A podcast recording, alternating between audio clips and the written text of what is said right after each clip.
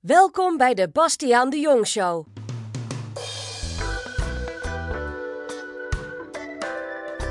In deze aflevering van mijn podcast weer eens een start-up met een zuiver succesverhaal. Ik praat met Barend Raaf van het bedrijf Harver, dat de enorme inefficiënties te lijf gaat die in de onderkant van de arbeidsmarkt blijkt te bestaan. De producten van Harver maken niet alleen het recruitmentproces voor de werkgevers efficiënter, maar zorgen er ook voor dat het voor de sollicitanten een aangenamere ervaring is. En het gaat hard. Het systeem verwerkt nu een miljoen sollicitaties per jaar en internationale expansie is aan de gang. Barend vertelt wat daarbij komt kijken, hoe het bedrijf ontstaan is en waar hij naartoe wil. Ik hoop dat je zijn verhaal net zo inspirerend vindt als ik. Veel luisterplezier. Hier is het gesprek met Barend Raaf. Barend, welkom in mijn podcast. En bedankt dat we op het kantoor met uitzicht over Amsterdam een gesprek kunnen voeren. En we gaan denk ik voornamelijk praten over Harvard. Interessant onderwerp. Ja, ehm, kan je vertellen wat Harvard is? Ja, ehm, ja Harvard. Harvard levert preselectie software voor de HR-industrie. Als wij het uitleggen aan leken, dan zeggen wij altijd dat het eigenlijk wel opvalt dat er heel veel belangrijke beslissingen in je leven data helpt betere beslissingen te nemen. Dus we zeggen altijd als je ziek bent, dan ga je eerst naar Google en daarna pas naar de dokter. En als je een hypotheek wil, is het een algoritme van de bank die bepaalt of je een hypotheek krijgt. En niet meer die vriendelijke man achter de balie. En wat wij zagen als Harvard is dat in de wereld van HR, en met name in de wereld van recruitment, nog heel weinig gebeurt. Dus dat nog heel veel belangrijke beslissingen in de wereld van recruitment genomen worden op basis van onderbuikgevoel. En Harvard levert oplossingen om daar een grote slag in te maken. En ik geloof dat jullie één belangrijkste product hebben. Ja, ons product heet de Talent Pitch. Is een, uh, zoals wij het noemen, een digitale sollicitatieervaring. Op het moment dat je wil solliciteren bij ons, een van onze klanten, stuur je geen cv meer in. Je gaat niet meer bellen, je gaat niet meer e-mailen. Je gaat door een online proces. En in dat online proces doen we twee dingen. We laten je ervaren wat het werk inhoudt. Zodat je echt snapt waar je nou eigenlijk op solliciteert. Want uh, ja, de functieomschrijvingen die zijn natuurlijk altijd interessant. Maar dat je echt ziet en echt kan beleven wat het is dat je straks moet gaan doen als je aangenomen wordt. En terwijl je er doorheen gaat, meten wij allemaal factoren die voorspellend zijn voor succes. Dus kunnen wij zeggen ja, wat de kans is dat je succesvol gaat worden als je aangenomen wordt. Gaat dit over bepaalde type banen? Of kan het overal over gaan? Wij, wij richten ons, um, ja, wat dan traditioneel de onderkant van de workforce wordt genoemd. Hè? Dus de low-entry jobs. Dan moet je denken aan retail, hospitality, callcenters. Dus ja. eigenlijk functies waarbij de mensen die solliciteren niet altijd precies weten wat het werk inhoudt omdat het niet een, ja, het is geen carrièrepad wat je nastreeft. Je bent op zoek naar een baan. Tegelijkertijd gaat het vaak om grote volumes. En is het ook nog eens zo dat het cv niet voorspellend voor succes is. Want ja, je hebt de kappersopleiding gedaan. Kan je dan in een winkel werken? Daar ja. kan ik niks over zeggen. Daar hebben wij een oplossing voor. En zijn het dan meer banen waarbij de mensen die die banen doen in contact staan met jouw klanten? Of is het meer ook lopende bandwerk waar helemaal geen klantcontact is? Nou, veel, veel van onze klanten die zijn wel met klantcontact bezig. Dus je ziet dat het uh, ja, voor grote bedrijven de momenten waarop zij nog contact met de consument hebben, uh, die worden ja. steeds schaarser. Dus als iemand met het callcenter belt, dan is er echt wel wat aan de hand. Want anders hadden ze het online wel zelf geregeld. Dus dan wil je ook dat die man of vrouw die jou vertegenwoordigt in dat callcenter, dat die op een goede manier de klant te woord staat. Dus het werk wordt steeds belangrijker. Um, dus daardoor komt er steeds meer aandacht voor het selectieproces. Hoe iemand zich gedraagt in een klantcontact kan je helemaal niet in een cv lezen. Absoluut niet. Uh, nee. Maar misschien wel in jullie tool wat in feite gewoon contact is. Ja, je speelt dus een spel. In dat spel word je gebeld. En die klant is heel boos op jou. Dan voel je hoe het voor jou is om een boos iemand aan de lijn te krijgen. En dan leggen we je uit dat dit iets is wat straks, als je daar gaat werken, misschien wel tien keer per dag gebeurt. Sommige sollicitanten denken dan, ja, wacht even, daar heb ik geen zin in. Dan ga ik toch liever uh, bij een koffiebarretje werken. Ja, wat prima is, want zo iemand moet die, moet die baan ook niet gaan doen. Ja. wat je ziet in die low-entry ja. jobs, is dat het verloop in de eerste drie maanden heel groot is. Okay. Uh, en dat is enerzijds omdat mensen werk gaan doen wat ze niet kunnen, of omdat ze werk gaan doen wat ze niet leuk vinden. Ja, dus liever dat je daar uh, achter komt voordat je begint. Voor mij is nu duidelijk wat de waarde is voor jullie klanten. Maar is die waarde ook meetbaar voor jullie klanten? Ja, verschillende factoren. Eén is, heel veel partijen zeggen tegenwoordig... ik wil mijn sollicitanten als mijn klant behandelen. Dus als je Ziggo bent of je bent Vodafone... veel van je sollicitanten, die zijn ook je klant. Dus die wil je zo goed mogelijk helpen. Want je wil een goede merkbeleving geven. Dus dat meten wij. Wij meten hoe leuk onze sollicitanten of hun sollicitanten... onze experience vinden. Maar daarnaast kijken ze ook naar verloop. Blijven mensen langer? Performen ze beter? Zijn ze meer engaged? Zijn ze gelukkiger in hun werk? En hebben jullie daar ook al cases in waarin je dat verloop gemeten hebt en een positief resultaat ziet? Ja, ja heel veel cases. Dus veel okay. cases zowel op, op, het feit dat sollicitanten onze experience leuk vinden. Dus dat ze aan het eind krijgen ze allemaal een enquête en dan vragen joh, wat vond je er nou van? Vond je dat je ervan geleerd hebt? Vond je dat je fair behandeld bent? Nou, dan scoren we allemaal, uh, allemaal zeer goed op. Uh, en een aantal klanten heeft inderdaad ook echt, niet alle klanten vinden dat belangrijk, maar een aantal klanten heeft echt uh, verloop gemeten.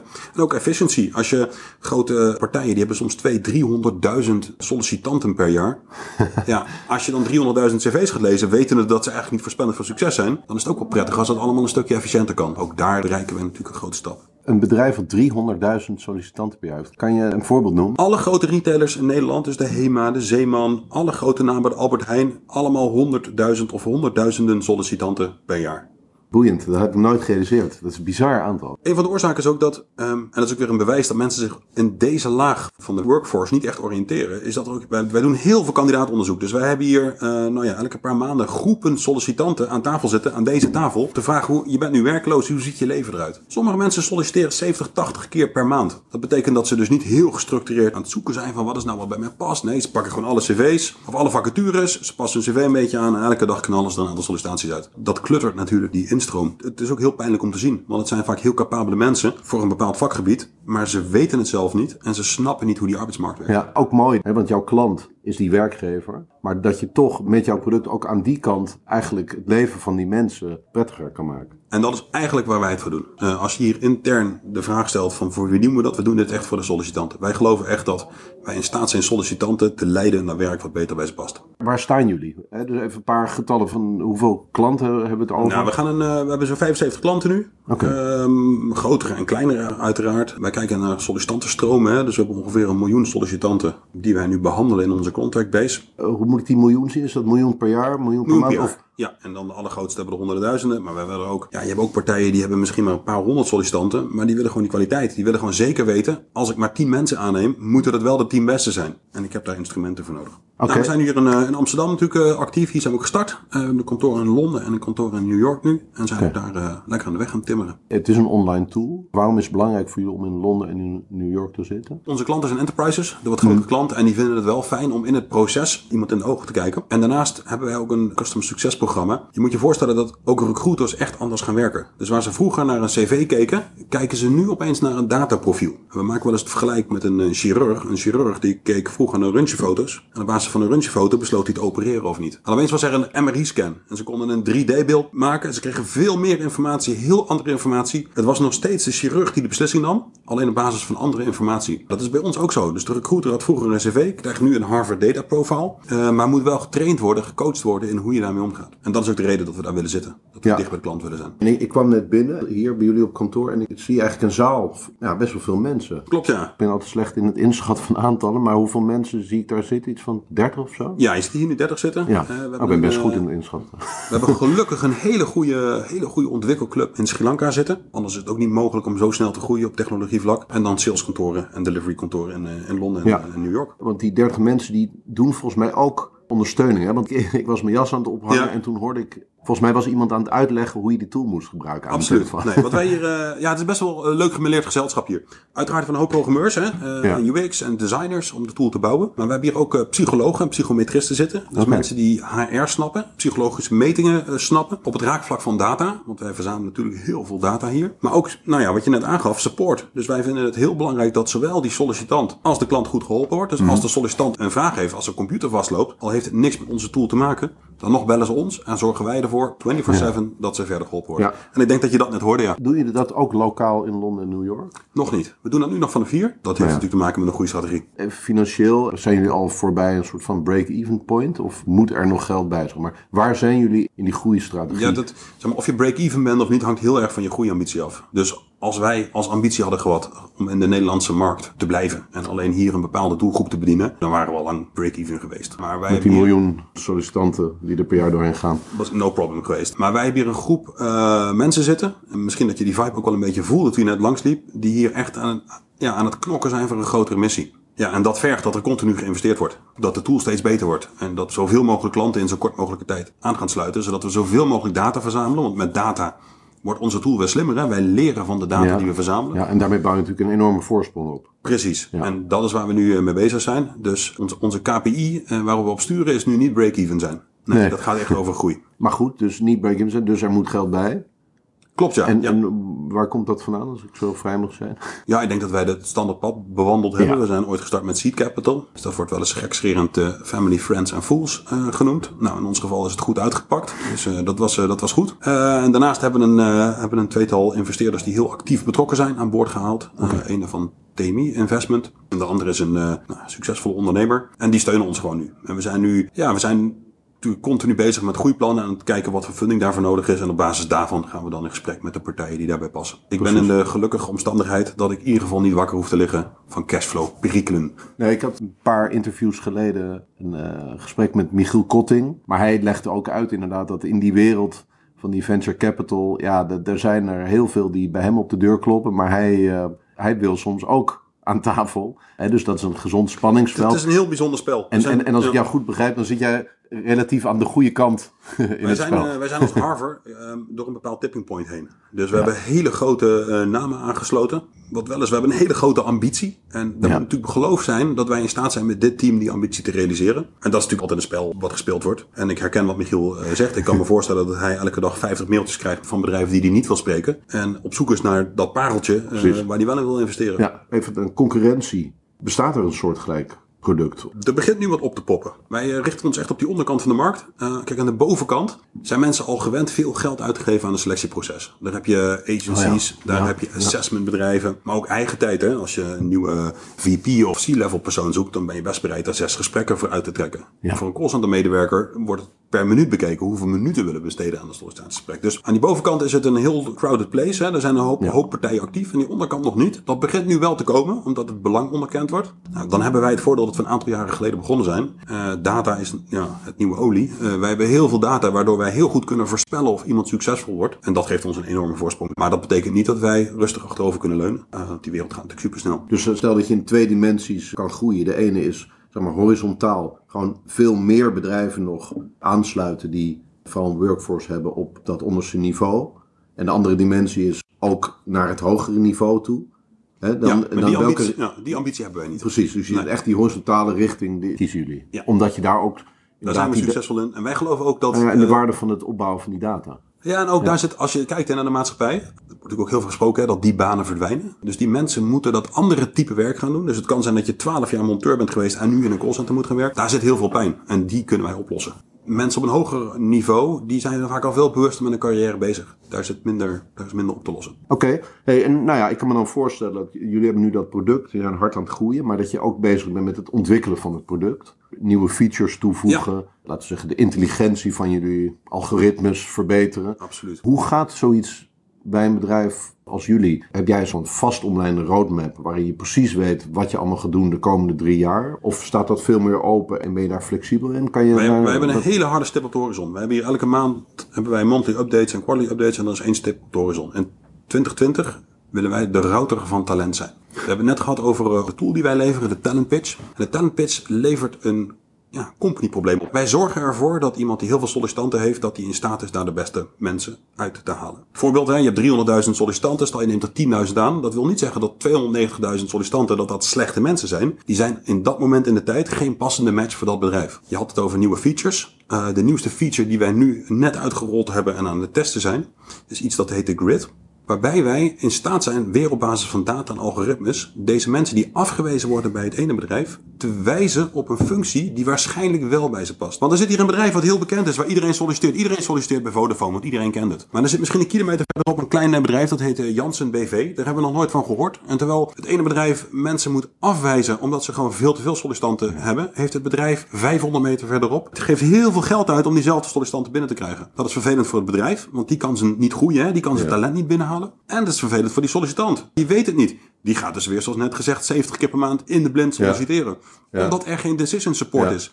Als jij nu een hotel wil boeken, dan zijn er 50 platforms die jou uitleggen op basis van jouw voorkeuren in welk hotel je moet gaan zitten. Als jij een baan zoekt, you're lost. Jij vroeg van, heb je een stip op de horizon? Hè? Hoe ontwikkel je? Wij willen de router van talent worden. Daar hebben wij een aantal features voor nodig en een aantal mijlpalen die we moeten behalen. Je kan geen router van talent worden als je geen toegang hebt tot grote stromen sollicitanten. Dus je hebt die grote enterprises nodig. Dat is onze gameplan. Dat gaat Ja. naar 2020 toe. En langs die lijn ontwikkelen wij onze, Ja. onze tools, onze Ja, features. Ik vind het wel echt fantastisch, want als je nou over nadenkt wat voor markt je dan aanboort opeens. Je zat dus, of zit in selectie. Maar dan ga je ook naar werving toe. En, En het ja, is die is geen natuurlijk gigantisch. Ja, maar het is geen werving, het is routing. Het is misschien een andere activiteit, maar je lost het probleem op. Wat je lost het probleem op. En, en de grap is, werving, ja. je, je, je gaat een markt adresseren die eigenlijk nog niet bestaat. We geven wel eens als voorbeeld aan mensen dat heel veel mensen die nu Uber gebruiken, hier in Amsterdam, die gebruikten vroeger geen taxi. Ja. Dus het is niet zo dat Uber de taximarkt kapot maakt. En Misschien ook wel. Maar ze leggen er een hele grote nieuwe markt bovenop. En wij denken dat als wij een router, een goede router van talent kunnen zijn. Dat wij ja, ook het barretje hier aan de overkant kunnen helpen. Om iemand te vinden die echt bij dat barretje past. En misschien woont die persoon wel 100 meter verderop. Maar is die er zelf nog nooit geweest. Nou, dat is onze B-hack, onze goal waar wij naartoe gaan. En Dat is wel een grote ambitie, maar helemaal niet onzinnig of zo. het is, het is een hele hoge ambitie. Eh, wij houden van data. Dus nou, wat is de statistische kans dat het lukt? Nou, die is waarschijnlijk heel erg klein. Maar wat wel gaaf is, en wat jij noemt het een grote markt. Hier intern wordt het gezien als een heel groot probleem. En iedereen die hier werkt is bezig om dat probleem op te lossen. En dan is de ambitie misschien heel groot, maar we weten waar we het voor doen. En elke Ja. dag hebben we natuurlijk ook tegelijk onwijs veel lol hier. Om die kleine stapjes te zetten die nodig zijn om Ja. daar te komen. Nog even terug naar productontwikkeling. Want eigenlijk heb je nu uitgelegd inderdaad wat de stip op de horizon is. Ja. En wat maar inhoudelijk heb je de grote lijn geschetst van de roadmap in feite. Nu dan de vraag van hoe je dat doet. Eh, nou ja, zo- zo'n grid bijvoorbeeld. Hoe probeer je het en test je het? Ben je, zoals het zo mooi heet, agile? Of kies je een andere methode? Ja, daar zit een gelaagdheid in. Het begint erbij, dus die stip op de horizon zetten. Dat terugduwen naar jaardoelen. Hè. Wat moeten we aan het eind van het jaar bereikt hebben als we die stip op de horizon willen halen. Dat breng je terug naar kwartaaldoelen en daar ontstaan dan businessdoelen uit. Dus als ik als het doel heb om bijvoorbeeld met de grid, wat we nu aan het doen zijn, een x aantal sollicitanten te routen naar nieuw werk. Dus in dit kwartaal gaat het ons lukken om afgewezen sollicitanten ergens anders aan het werk te krijgen. Dat is onze ambitie voor dit jaar. Als je dan naar product development gaat kijken, Ja. ga je kijken wat is nou de minimal viable product? Wat moet ik nou minimaal gebouwd hebben om dat mogelijk te maken? Want ja, de grote vergissing die denk ik vaak gemaakt wordt, zeker bij wat grote organisaties, is dat ze een soort stip op de horizon hebben, daar de holy grail voor bedenken, wat eigenlijk niet kan. In een soort van laboratorium? In een laboratorium, dan een jaar lang eh, een heel groot team softwareontwikkelaars eh, enorm hard laten bouwen, dan een product releasen en denken, hé, hey, het werkt toch net even anders. Of de wereld is inmiddels weer veranderd. Dus wij brengen het terug naar kwartalen. Vanuit kwartaal hebben wij kwartaal businessdoelen. En van daaruit worden er dan tools gebouwd. Die worden eerst, wij noemen het wel eens gekscherend houtje touwtje. Er zit natuurlijk al meer achter. Maar in ieder geval gebouwd op een manier waarop je nog heel snel het kan aanpassen. En als je de nood gekraakt hebt, als wij denken, ja, dit is het. Dan wordt het soms wel eens helemaal herbouwd. In een meer sustainable manier. Zodat het weer schaalbaar is. En dat vergt nauwe samenwerking met je developers. En die zitten in Sri Lanka.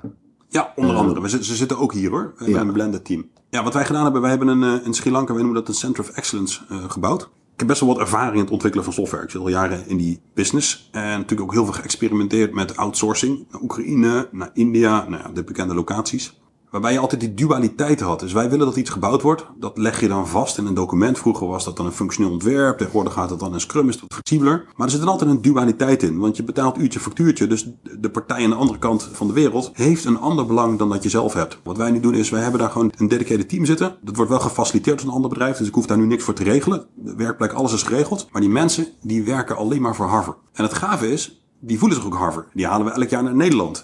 Die kunnen jou uitleggen wat een talent pitch is. Die kunnen jou uitleggen wat de grid is. Die zijn via web involved in elke maandmeeting. En dat is natuurlijk een heel groot verschil.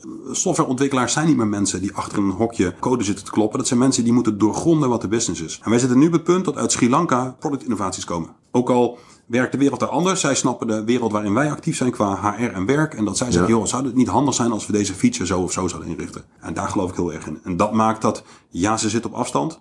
Maar we hebben gewoon onze dagelijkse stand-ups, remote. We hebben onze scrum meetings. Wij gaan die kant op. Zij gaan deze kant op. Ja. En dat werkt eigenlijk fantastisch. Ja, dat is best wel knap dat je dat voor elkaar hebt gekregen. Want ik denk dat heel veel bedrijven in Nederland of Europa überhaupt nog aan het struggelen zijn om die mindset van de developers, die gewoon in hetzelfde gebouw zitten als de productmensen, of Om de dat om überhaupt dat Ja. al recht te trekken. Maar jou is dat eigenlijk al gelukt met mensen in Sri Lanka. Maar je moet een stap zetten. Voor elke, ik heb gehoord dat voor elke sollicitant die nu vrijkomt eh, op de wereld van software development, dat er vijf vacatures zijn. En dat het alleen maar schever gaat groeien. Eh, als start-up ga je dus concurreren met de arbeidsvoorwaarden van, nou hier in Amsterdam eh, zit een boeking met een paar duizend man. Daar concurreer je dus mee. Ik denk als je als start-up wil groeien en hard wil groeien en je wil nog ruimte hebben om ook fouten te maken. Hè, dus dat je stukken software kan ontwikkelen die daarna weggooit. Ja, dan moet je wel heel goed gefund zijn, wil je dat helemaal hier kunnen regelen. Dus van daaruit is het denk ik een noodzaak. En volgens mij als ondernemer, als je erover praat, zijn er natuurlijk duizend redenen om het niet te doen. Hè? Want het is lastig. En communicatie en cultuur. Nou, je kent de standaard weerleggingen wel. Ik denk als ondernemer moet je daar heel groot overheen stappen. En het gewoon inregelen op een manier dat het wel werkt. En dat is hier gelukt. Ben ik blij. Ja, maar ik ken ook wel voorbeelden van mensen die dan gewoon de vorm kiezen dat die gewoon dan zelf daarheen gaan.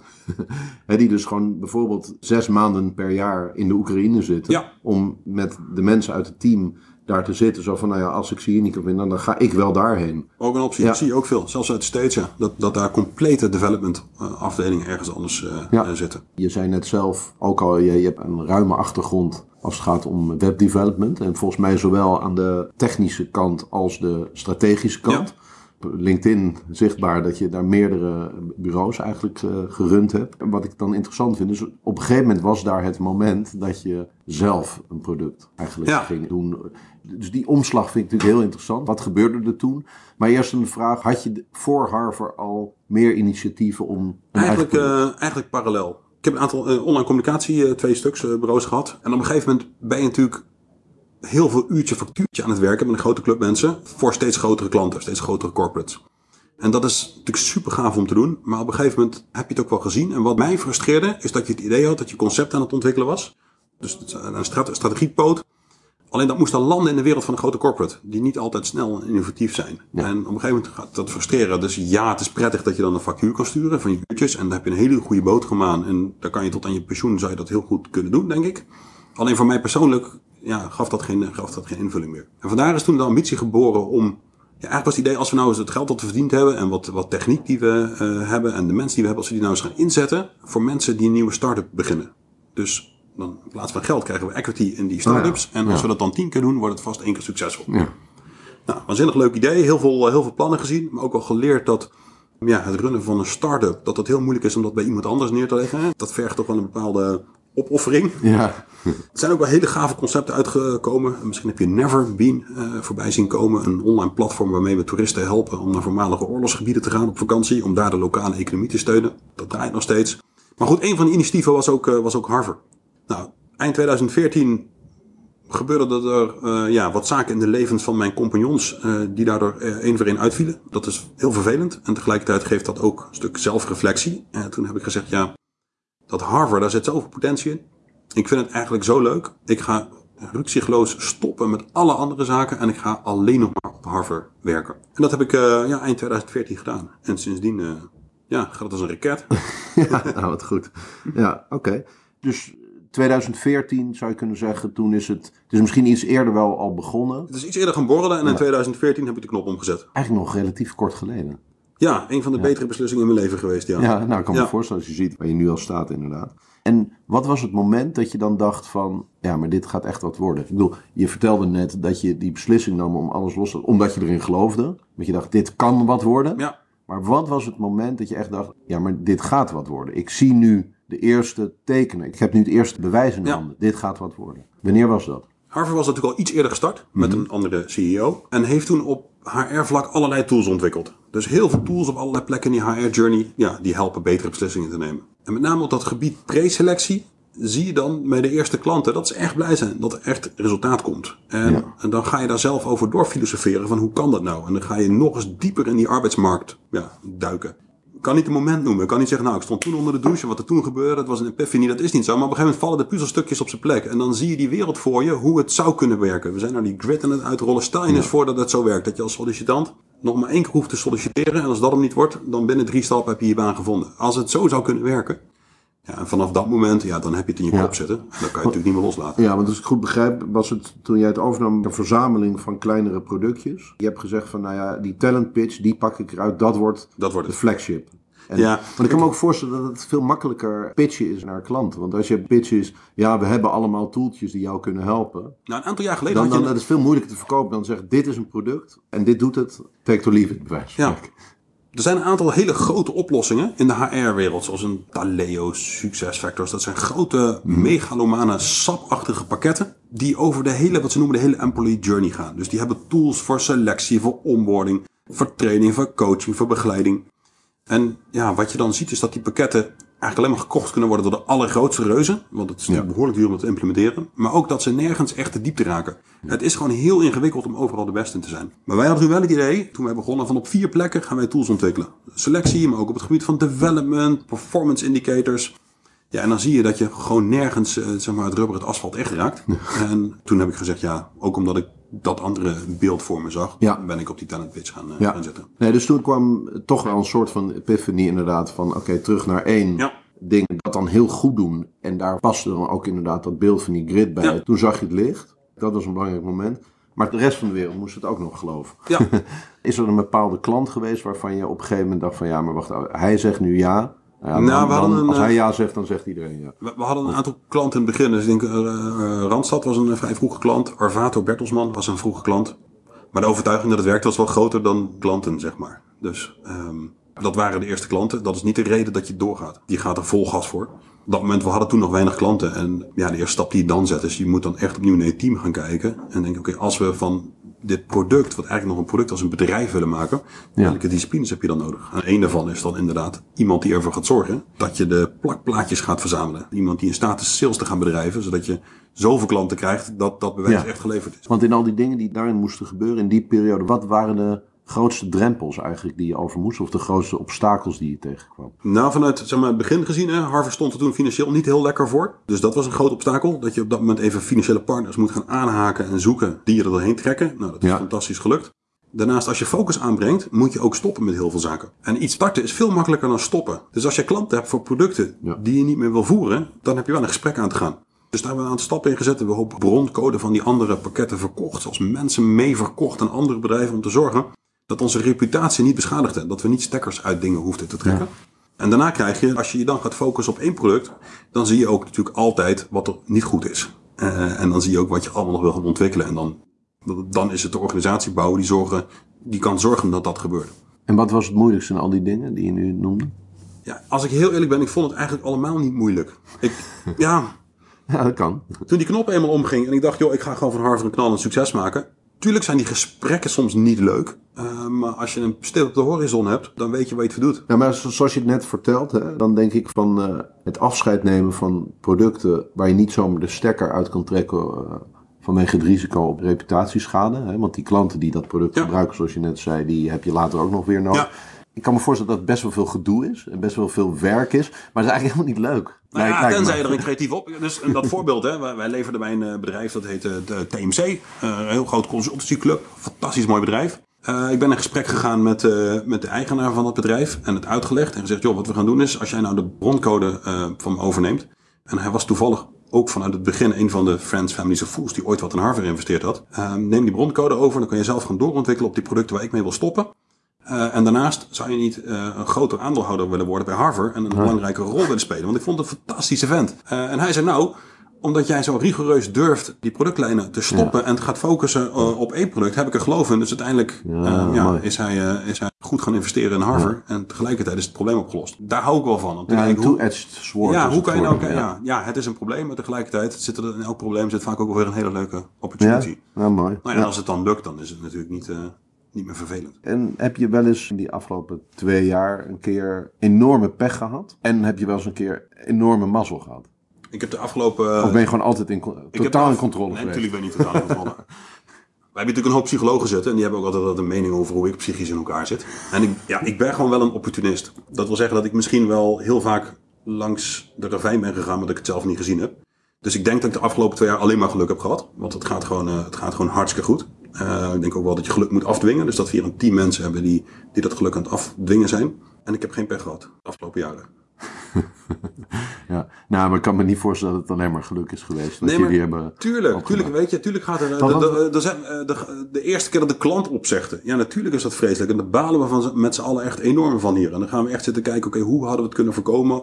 En, en hoe kunnen we dit in een goede context plaatsen? Of we hebben natuurlijk een SLA met onze klanten, dat onze servers altijd up zijn. Ja, Murphy komt wel eens langs. Dus soms vallen er zes dingen bij elkaar en dan doet het systeem het een paar uur niet. Ja, dan natuurlijk baal je dan gruwelijk. Maar als je dan aan mij vraagt, heb je wel eens pech of tegenslagen gehad? Als ik dan kijk in mijn omgeving, wat andere mensen te verduren hebben, Ja. dan denk ik, ja, joh, dit is gewoon part of the game. En eh, het is altijd vooruitstruikelen. Je hebt heel veel ideeën gehad, vroeger ook. Volgens mij eh, heb je ook nog wel eens met Second Life eh, Ja. aan de weg getimmerd. Ja. Maar laat eerst dan even dat hoofdstukje Second Life. Ja. En maar even bij, bij, de, bij de horens vatten. Eh, kan je daar meer over vertellen? Wat was Ja, jouw... hilarisch. Ja, ik had toen een online communicatiebureau en wij hielden van gekke concepten. Dus wij hebben ja, best wel wat ja, grappige online concepten bedacht. En ook altijd op zoek op internet van wat gebeurt er nou. En twee van mijn eh, programmeurs die zaten in Second Life. En dat vonden ze, ja, dat vonden ze helemaal te gek. Dus wij volgden het een beetje. En op een gegeven Ja. moment... Misschien even heel kort voor de luisteraar die dat niet weet. Even drie bullet points wat Second Life Second ook alweer is. Ja, ja, even de memory, want dan komt het wel terug. Het is een virtuele wereld. Het was, was zo'n virtuele wereld en dan kon je een poppetje aanmaken en dan kon je er rondlopen. En je kon daar huizen bouwen, eh, je kon daar vrienden maken, je kon daar chatten met mensen. En alle grote corporates die wilden op een gegeven moment een vestiging in Second Life. Je had daar een lokale valuta, dus je kon ook echt geld verdienen in Second Life. Je had op een gegeven moment Second Life Bestaat het eigenlijk nog? het bestaat nog. Het was van de nerds. Het is toen door de media opgepakt Ja. op, een, op een waanzinnige manier. Waardoor iedereen opeens in Second Life ging. We hadden op een gegeven moment 20.000 aanmeldingen per uur. En daarna ging net zo snel als het kwam is het ook weer vertrokken. Eh, het is er nog. En het is nu weer van de mensen die het ooit gemaakt hebben. Namelijk gewoon van de nerds die het leuk vinden om in zo'n virtuele wereld te wandelen. Wat er wel ge- gebeurt, en dat is natuurlijk wel interessant. Vaak heb je twee pieken in een innovatiecurve. Nu met al die virtual reality brillen, Ja. komt deze wereld weer helemaal terug. En het moederbedrijf wat ooit deze software gemaakt heeft, Linden Lab, en die is een hele nieuwe wereld aan het bouwen.